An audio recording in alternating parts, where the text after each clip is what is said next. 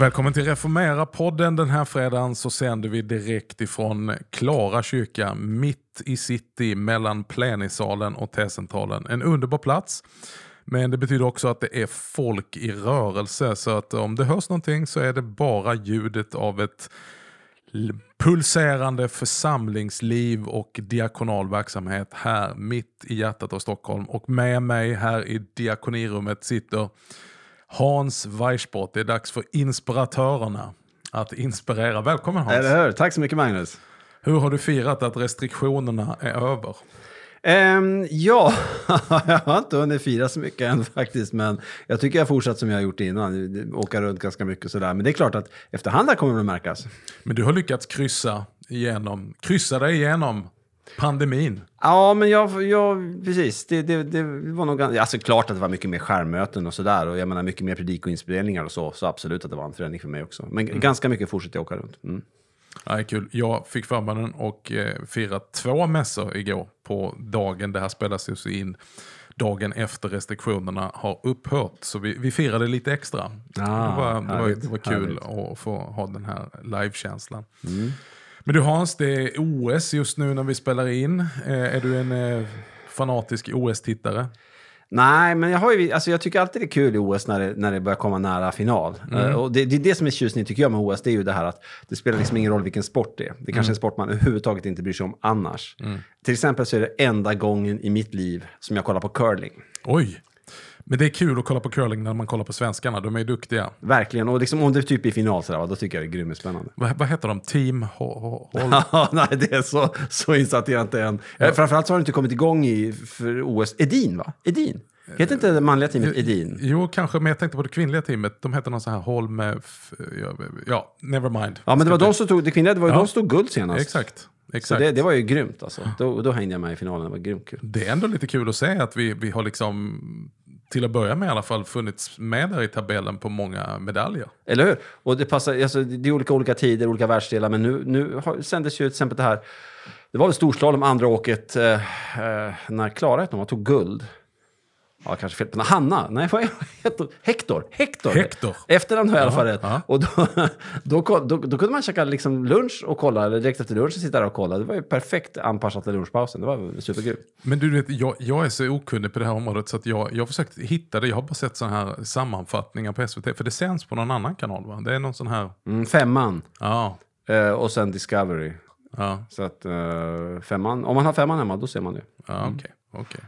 Men du, eh, nog om det. Vi måste ju ta en annan sportreferens. Du är ju hockeytokig och frälst på Frölunda. Eller... Vi har ju dratt en, en, en suck hela eh, samfällt, hela Sverige när vi fick se deras nya logga. Ja, eller hur? Kan jag få ett utlåtande? Nej, det, jag tyckte den var helt horribel av många olika skäl. Och eh, det var, jag var väldigt, väldigt tacksam för när de bytte loggan. Det måste jag ju säga. Jag tyckte det var så kul att höra förklaringen. För när jag försökte titta så är det, är det två hockeyklubbor? Nej det kan det inte vara. Nej men är det två F? Ja. Ja, och så kom det någon förklaring att det var, vad var det, två handskar? Ja också. Jag tror de tänkte att det var många olika saker på samma gång. Och det är just då det inte blir någonting av någonting. Snacka om att göra en pudel alltså. Där man först går ut med stor presskonferens och slå på trumman och presentera den. Och sen var det dagen efter de fick mm. ta tillbaka den. Men det hedrar också, alltså Mats Grauers har gjort väldigt mycket bra för Frölunda, ordförande. Mm. Och det hedrar honom det här att man kan eh, ändra sig. Ja. Det tycker jag är, är, och det har jag varit med om innan faktiskt. Eh, så att eh, jag, jag, tycker det, det är ju gott ledarskap när man kan ödmjukt inse att eh, nu lyssnar vi inte på supportrarna tillräckligt mycket, vi bara körde vårt eget race. Och så blev det en för stor apparat. Mm. Så det är lätt hänt. Man gör, det, det, allt är så professionaliserat nu för tiden. De hade massa PR-byråer och massvis av pengar in och det blev nog lite för mycket kockar och för lite soppa. Man skulle kunna sammanfatta det, gör om och gör rätt. Eller hur? Och på den tonen återkommer vi.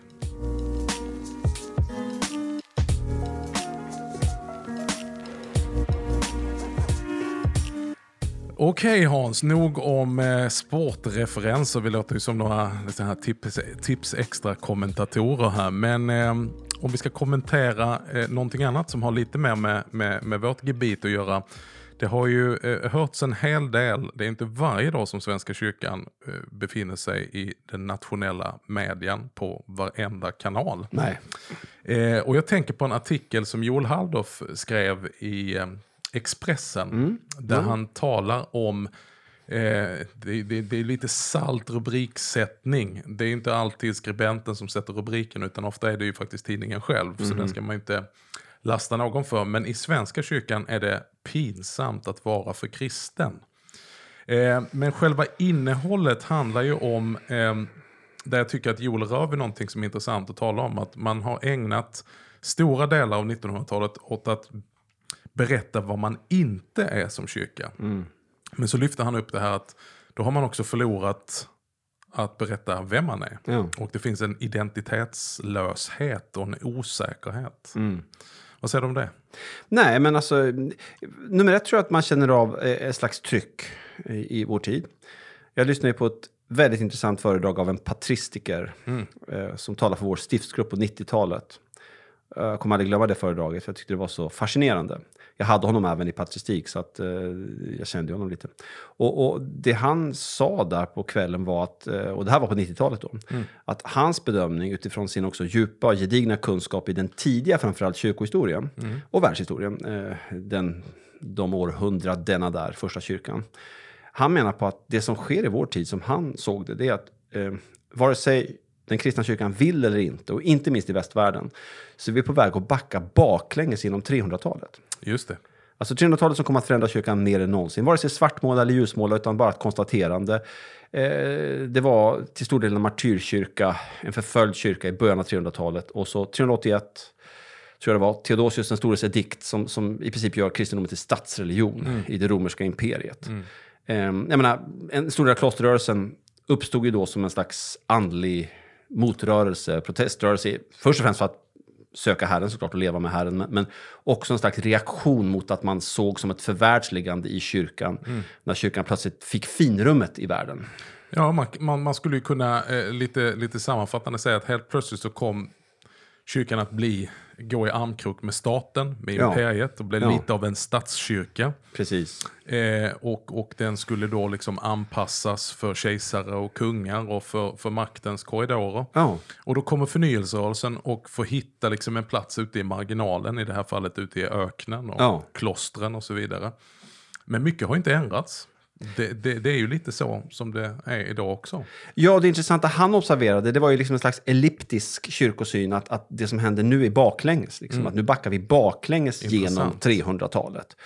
Eh, och, och, och på något sätt att kyrkan med näbbar och klor eh, försök, vill ha den här positionen som vi alla egentligen vill ha. När, när vi får så många likes som möjligt, vi är så gillade som möjligt, vi gillar att vara omtyckta. Och, eh, och så kanske eh, det håller på att förändras på något sätt. Och, och, och i det så är det lätt att kyrkan blir försagd, eh, rädd, eh, ofrimodig. Och, och det, det är en av delarna. Sen har vi Svenska kyrkan med dess speciella, ganska unika modell som kanske förstärker det här. Och det är ju just att vi, vi fortfarande har till stora delar partipolitiken i förarsätet. Jag kommer precis från en jättebra träff i riksdagen. Eh, Partipolitiken fungerar jättebra i ett demokratiskt samhälle i, i, i riksdagen, där ska den vara. Men den fungerar mycket sämre med politiska partier som sådana som ska styra kyrkan inifrån. Och, och det har på något sätt, tror jag, gjort den här pressen från världen än tuffare över kyrkan. Mm. Och speciellt nu när vi befinner oss i ett läge där det är ingen majoritetskyrka längre. Alltså enhetssamhället har ju luckrats upp under lång tid.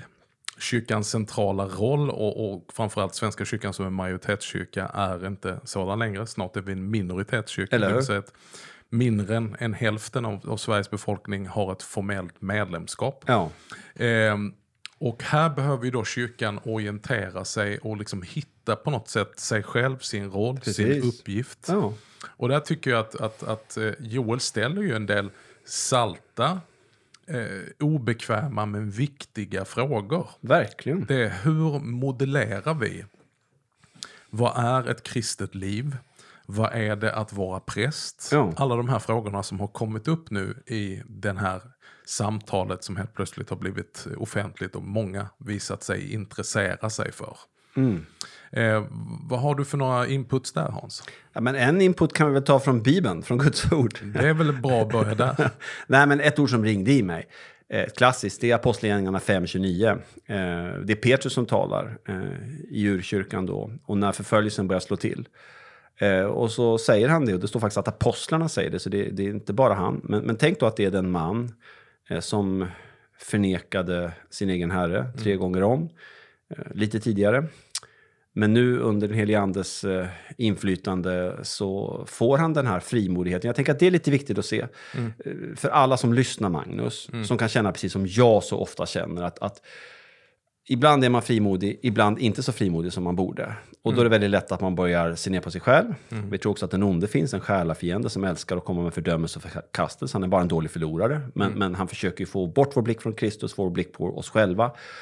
Eh, och, och, och på något sätt komma in i den här förkastelsen, fördömelsen att vi är odugliga och, och, och hopplösa fall. Och då är det så fascinerande, genom Jesu kärlek och förlåtelse, genom den heliga Andes kraft, så står Petrus där och säger varmt och passionerat, livfullt, träffsäkert, eh, med genombrottskraft, så säger han man måste lyda Gud mer än människor. Mm.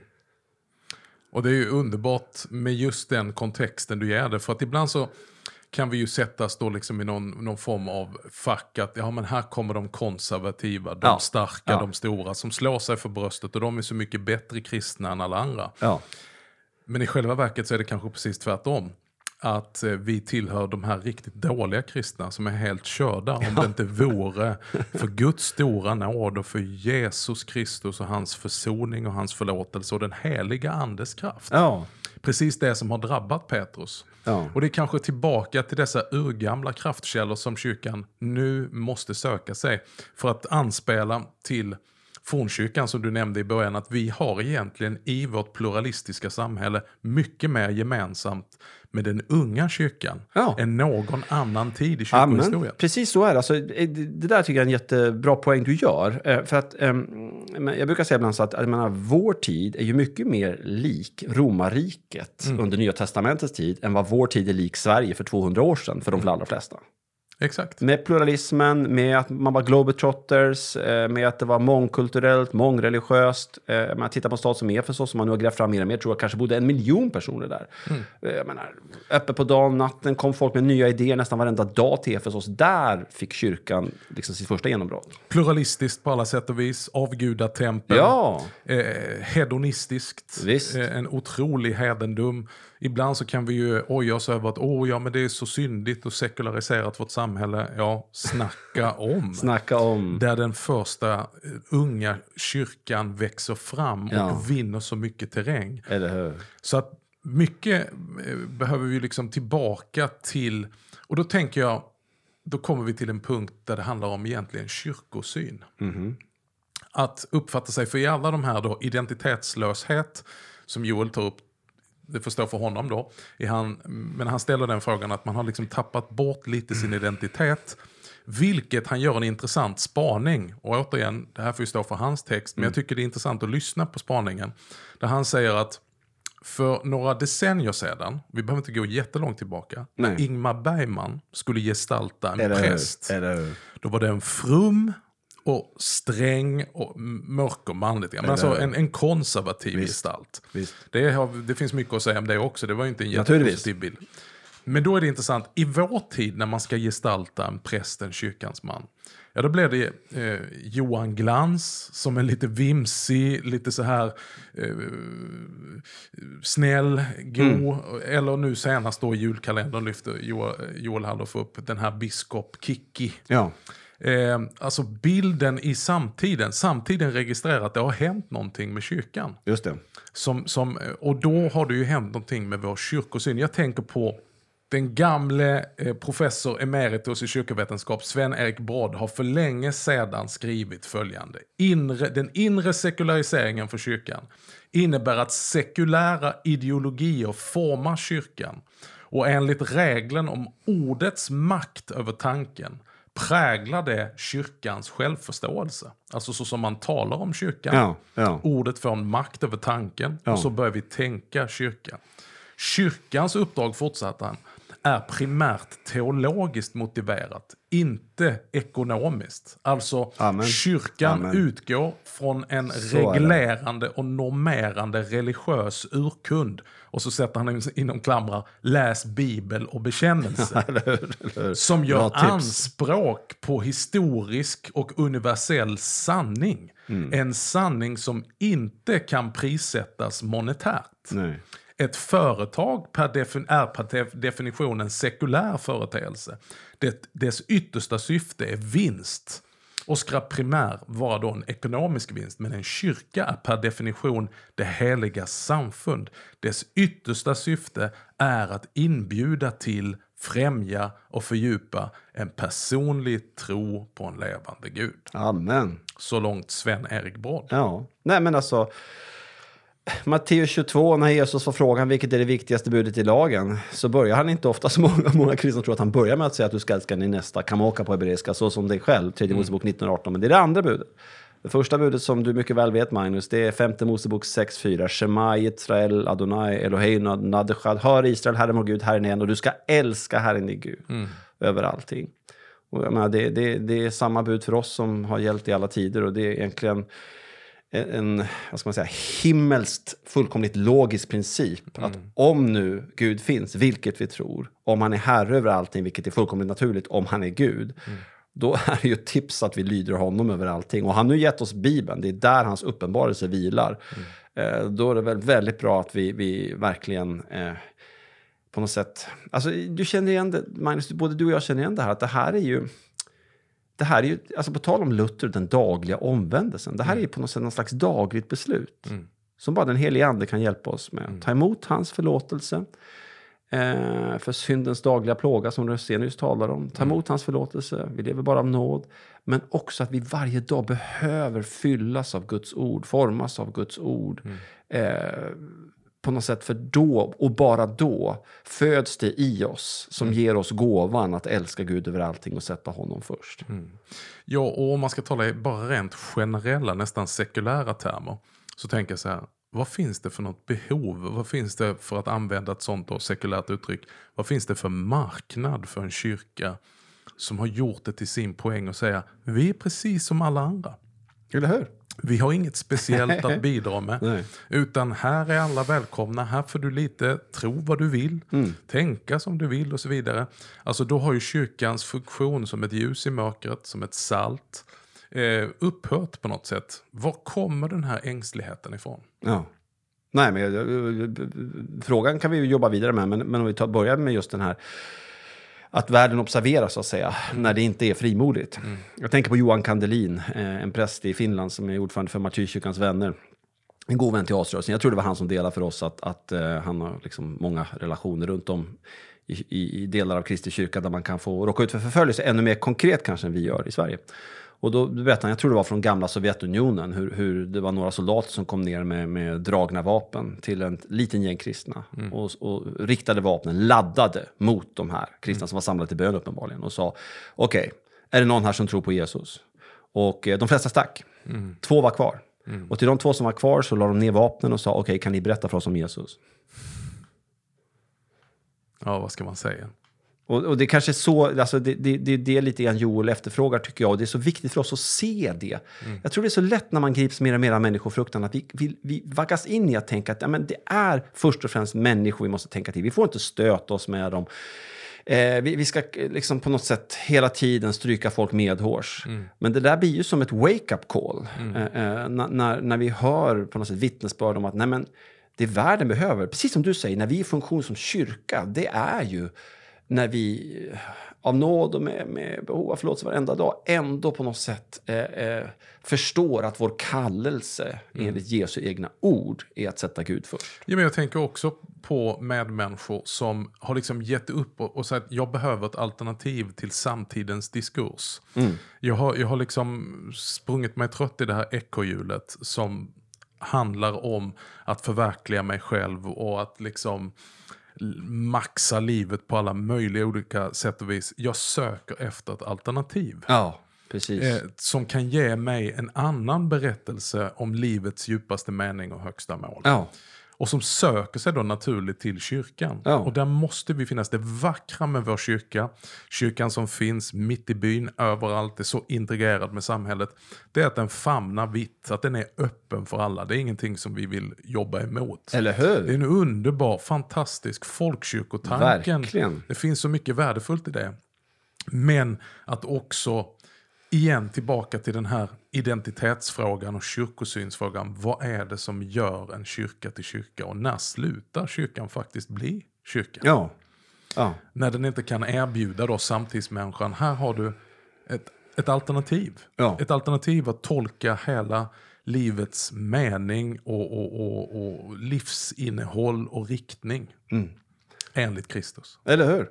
Alltså jag, jag, jag, jag tänker, i linje med det du säger, och du ställde också frågan innan här, varför det blir ofta så ängsligt hos oss. Eh, så tänker jag på, eh, menar, för många av oss så kan det hjälpa väldigt mycket. Bara, tänk tillbaka till när du själv kom till tro. Just det. Eh, men nu kan man vara uppvuxen i en kristen familj och, och man kom till tro mer successivt liksom efterhand. Eller det var självklart från början. Det kan vara lite olika. Men, men jag är inte uppvuxen i en kristen familj. Um, och, och, och det var under stor kamp som jag kom till tro. Eh, många diskussioner med, med folk både in i släkten, nära släkt och, och även på utsidan. Um, och, och jag menar, jag ville ju höra raka puckar. Jag ville höra om klassisk kristen tro. Jag tog spjärn emot det, jag diskuterade emot det. Liksom det, det, det då blev diskussionen, blev det stuns i diskussionen. Men det var det jag ville ha. Jag ville att de talade om, om Gud och som allsmäktig och djävulen och försoningen på korset av Jesus. Och, jag menar, alla de här sakerna som skakar om. Eh, För det är det som är jordens salt och världens ljus. Och så lever man i mörkret, det, det, det är då det blir intressant. Men också det reaktion.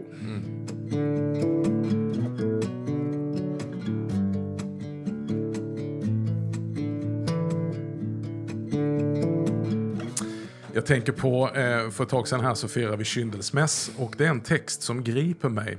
Evangelietexten eh, ifrån Lukas 2. Och där, där, med- viss omskrivning, det är alltså första gången Josef och Maria kommer med det lilla Jesusbarnet, 40 dagar gammal, Ja. till templet. Och där får vi möta lite spännande gestalter. Simeon, Eller hur? Driven av helig ande kommer han till templet. Och där får vi möta Hanna. Ja. Och hon får representera en, en, en stor generation som kanske har varit motorn i kyrkan även i vår tid. Verkligen. Pantertanterna, bönegummorna och det finns säkert bönegubbar också. Som, det står, sen hon blev änka då tidigt efter bara sju års äktenskap så uppehöll hon sig i templet dag och natt och vek aldrig av därifrån. Nej. Och då, då tänker jag, nu ska jag akta mig för att börja predika här, men, men, men det finns någonting vackert där Symeon lämnar templet lättad. Det står att han har hållit ut i tro på löftet som Gud har gett till sitt folk om att sända en Messias, sända frälsningen, Israels tröst och befriare. Amen. Men han har ju fått leva i tro på detta. Ja. Och vänta och vänta och han har blivit äldre och äldre. Ja. Och nu driver den helige ande honom till templet. Den helige ande drar honom till templet. Och där får han göra ett möte. Nu har ordet blivit kött. I det som många andra skulle bara säga, det där är bara en liten, liten knubbig bebis. Så ser han genom uppenbarelsens ljus som är temat för kyndelsmäss.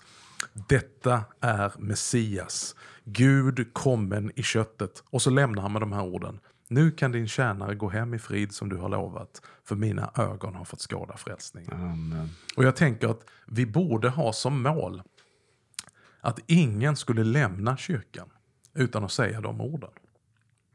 Jag tror ju att fortfarande driver den helige ande människor till kyrkan. Ja. Inte bara troende, Nej. utan vi har många vittnesbörd om hur otroende dras av den helige ande på något sätt. Det kan ha varit människor som vi vittnar för, berättar om, är kompisar med, har kanske bjudit in dem till kyrkan, de har tackat nej och sagt tack, men nej tack. Och så helt plötsligt så kommer dagen. Besökelsetiden är där. Och helt plötsligt en livskris, en sjukdom, kanske nu under pandemin, så har man surfat in någonstans eller kommer till kyrkan. Och då önskar vi ju ingenting annat än när de kommer dit så ska de få göra denna upplevelse som Simon gör. Att I templet, i kyrkan, där är Kristus. Han kommer till oss genom ordet men också konkret, materiellt, i bröd och vin.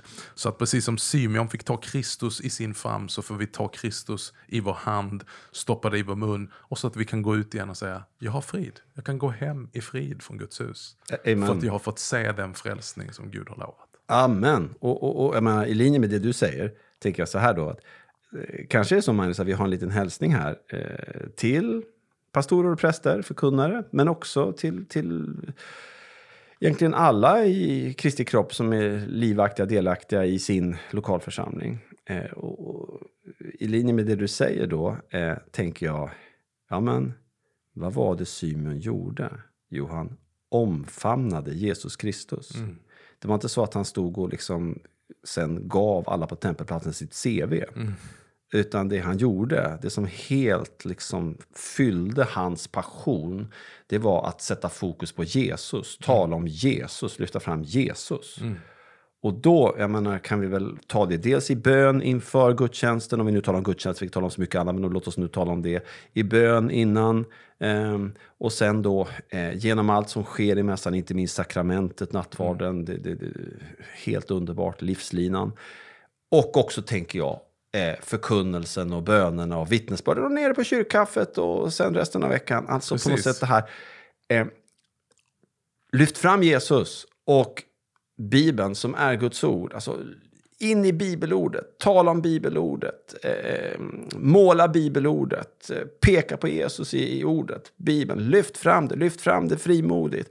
Eh, nu ska jag säga något, det är kanske någon som blir sur och det är fine, det, det, det, jag, jag tar så gärna det. Men är det verkligen det viktigaste hur många minuter förkunnelsen är? Eller är det kanske viktigare att man, man, man verkligen eh, med, med passion som bara Gud kan ge går in i ordet, lyfter fram det Exakt. frimodigt? Och precis som Symeon håller upp, här är Jesus Kristus är Bibelns stjärna och därför hela Bibeln pekar mot honom. Amen. Lyft fram ordet.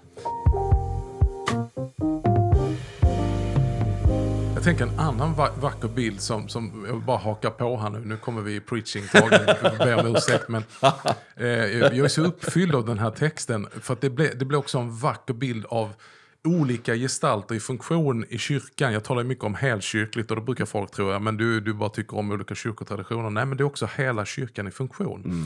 Om vi då tänker vad som bygger upp till den här händelsen så har vi, vi har då först barnet som visar sig sen vara Jesus. Men om vi bara talar om barn, barnet är templet. Ja. Ja, hur kommer ett barn till templet? Jo, det står att hans mamma och pappa, Maria och Josef, bar dit honom. Eller hur? Det var inte så att, att, att han, 40 dagar gammal, hade medvetande eller beslut och sa nu ska jag gå till templet. Han hade inte ens de fysiska möjligheterna att komma dit. Eller hur? Och då tänker jag att det vackra med en kyrka som verkligen tror på evangelium, det är att vi bär varandra.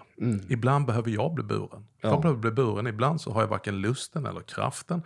Och, och kan behöva uppmuntran och kan behöva den här extra pushen. Och det vackra med, med gudstjänsten det är också att jag kan bli buren i gudstjänsten. Det är inget jag behöver prestera. Jag kan bli buren av liturgin, buren av psalmerna, sångerna, lovsångerna, buren av bönerna. Och utan att bidra med så jättemycket så hamnar jag där framför altaret, bröd och vin. Alltså, vi behöver bärare Bra som bild. bär. Bra bild. Men då tar vi då liksom bärarna då. Om vi, om vi lämnar barnet eh, eh, eh, och talar om det i allmänhet. Ja men då har vi Josef och Maria. Varför kom de till templet? Ja då skulle vi kunna använda ordet, och nu ska jag inte göra för mycket våld på texten här va. Men om vi läser varför kom de till templet? Jo, Mose lag befaller detta. Toran, precis. Herrens ord. Herren hade sagt att så ska det vara. Amen. Allt förstfött av mankön skall frambäras inför Herren och avskiljas. Precis. Så det är, inget, det är inte något spektakulärt att joho, idag ska vi till templet. Vi ska inte säga någonting om deras tillstånd. De tyckte säkert det var fantastiskt. Men de gjorde det av, och nu kommer ett svårt ord, någon form av tradition, plikt, god och helig vana. Amen. Vi behöver ju liksom kyrkor som inte bara går på känsla. Nej. Utan som trofast, som Maria och Josef, faktiskt varför går ni till templet med ett barn? Är inte det bökigt med ett litet nyfött barn? Ska ni inte stanna hemma? Nej, Herrens ord säger. Ja. Amen, amen, amen. Eh, och det säger ju faktiskt Herrens ord, även om inte vi är bunden av judisk lag i den bemärkelsen, så, så säger ju Hebreerbrevet i Nya Testamentet. Överge inte sammankomsterna. Exakt. Så att vi kanske skulle behöva, även i evangeliska sammanhang där vi gärna betonar nåden och friheten, också behöver lyfta det här med, med plikt. Va? Ja. Med, med, med, med, ja, men det här är en god vana. Ja, eller hur? Eh, och sen har vi då eh, Symeon som vi har nämnt, att han var i templet driven av helig ande. Ja, det kan vi också få vara med om. Ja. Kanske vi alla har eh, personliga erfarenheter där vi har fått den här impulsen tanken. Det har liksom inte släppt oss. Du ska ringa en signal eller du kanske ska gå fram till en person och ge en hälsning eller bara säga ett ord av uppmuntran. Att se någon. Ja. Och så har vi Hanna, järntrossen i kyrkan. Liksom. Eh, som aldrig vek ifrån templet. Vilken, vilken fantastisk bild av de här olika delarna som finns i Kristi kropp. Vi har Hanna-gruppen som aldrig viker av därifrån, som ber och som fastar och som bara finns där. Du kan alltid räkna med dem. Jag har ju mött åtskilliga sådana, både tanter och farbröder och även unga. Vad helst du gör så finns de där. Du har karismatikerna, Symeon som kommer liksom med ett ord ifrån Gud och som är driven av heligande. Du har pliktmänniskorna som ibland blir eh, felaktigt nedvärderade som bara, ja, det är inte så spektakulärt, det är kanske inte alltid med så stor förväntan. Men det finns en trofasthet och en god vana. Och så är vi alla där till, lite till mans att ibland så är vi inte någon av dem utan vi behöver bara bli burna. Ja. Burna av församlingen. Mm. Nej, och jag menar, en av de sakerna, många saker jag hör i det underbara du delar här, så tänker jag, jag menar, verkligen som du sa, på nådens och frihetens grund, men efter restriktionerna och post, post, allt detta, eh, behöver vi kanske uppmuntra varandra att det är normal kristendom att gå till kyrkan på söndag. Amen. Jättegärna gå till kyrkan många andra dagar. Var i kyrkan 24-7 som Hanna och Anna där. Eh, men jag tänker på söndagen, Kristi uppståndelsedag. Jag brukar lyfta fram ibland just det här hur, hur det är som en Jesusvåg som går över planeten. Den börjar borta på Tongaöarna där de överhuvudtaget haft det tufft nu med de här katastroferna och allt det där. Men det börjar ute på Tongaöarna någonstans. Det sveper genom Magnus, Nya Zeeland, Australien, Kina, går västerut, det går genom stora katedraler, Jesusvågen, uppståndelsevågen. Det går genom grottor där folk kanske har samlats på natten med risk för livet och ändå gjort det för att de älskar Jesus och vill lyfta upp Jesu namn, vilket i sig borde vara en liten tankeställare för oss. Och så kommer Jesusvågen nu till oss. Och så är det vår liksom, tur en gång i veckan stå där som Kristi kropp och sända Jesusvågen vidare över, över världen. Det, det är ett makalöst privilegium att få stå med i det. Kanske behöver vi återupptäcka liksom det och en förnyad kallelse från Herren, på tal om att älska honom över allting. Liksom, att, amen, nu tar vi tag i det här igen. Liksom. Det är nåd, det är gåva, det är definitivt inte krav, men det är nåd och gåva. Vi får gå till kyrkan varje söndag. Liksom. Vi får vara en levande del av vår församling. Vi får komma till gudstjänst i förväntan. Vi, vi får om vi liksom har blivit lite sådär att vi, ja, dels av skäl att man inte har fått många gånger och sen nu kanske liksom tappat lite. Nu får vi ta tag i det där igen. Det är som den eh, gamle biskopen som fick frågan av en församlingsmedlem. Hur många gånger måste jag ta nattvarden varje år? Och då säger biskopen, frågan är felställd. Hur många gånger kan du få lov att ta emot nattvarden? Så det är ju det är någon form av längtan som behöver återerövras. Så det är ju det vi vill med hela den här podden. Reformera, alltså att återforma, återerövra, återupprätta, återupptäck. Inte någonting nytt utan det som faktiskt är kyrkans djupaste identitet, hennes natur, det som är vårt budskap. Det är det vi behöver komma tillbaka till. Ja, Och när vi går på så här Hans, så ska det bli intressant att se reaktionerna då. För är det så att Joel Halldorfs rubriksättning här i Expressen kommer till att bli rätt. I Svenska kyrkan är det pinsamt att vara för kristen. eh, är det nu reaktionen så här, det var väldigt vad de gick på. Det här låter ju nästan lite too much. Och då tänker vi, ja men är det inte det som är det vackra? Att i vår kyrka så ryms även detta. ja. Amen, amen, amen. Eh, och sen tänker jag, har vi någon minut kvar? Eller? Jag tänker också det här att, att jag blir påmind om Elia precis när jag var på väg hit. Alltså Elia levde ju också, det var inte alltid bättre för 800-talet före Kristus i Nordriket, det var ju delat i två, var ju definitivt inte bättre Det för. var rätt tufft där. Ja, Ahab och Isabel, ond kung, drottning, vände ryggen till Gud. Man levde... Massa Baalsprofeter. Ja, ja. 850 avgudaprofeter, Elia var en uppe på berg Karmel och så kom hela folket. Och Elia ställde ju frågan, hur länge ska ni halta på båda sidor? Eh, det kan man fråga till oss idag. Och sen då står det att i början, innan miraklet kommer, så står det folket svarade honom inte med ett ord. Alltså det som händer med oss i, i avfallstider det är att det kommer en slags stumhet över våra liv. Och jag tänker på min senaste vecka, helt eh, utan min eh, medverkan kan man säga. Jag var ute och gick i spåret. Så har jag någon som ropar, typ, som har passerat mig redan, 20 meter bara Weissbrot! En person då där. Och, och ja, en person som inte alls jag känner eh, något nära alls. Eh, och så får vi stå där och be mitt i spåret. Mm. Några kom, gick förbi, men det gick alldeles utmärkt. Eh, jag var väldigt glad efteråt. Stod där och be, spåret går alldeles utmärkt. Jag kommer precis från ett jättefint möte in i riksdagen. Och ja, vi bad en stund liksom. Mm. Går fint att be inne på riksdagen också. Alltså på något sätt det här att, att jag tror det kraftfullt understryker den andliga munterheten i vårt liv. Att vi får bryta med den här eh, stumheten som så lätt kommer över oss. Och där tycker jag att vi har ett ord att landa dagens avsnitt på. Alltid inspirerande Hans, ha det här. Tack detsamma. Inspiratörerna Eller hur?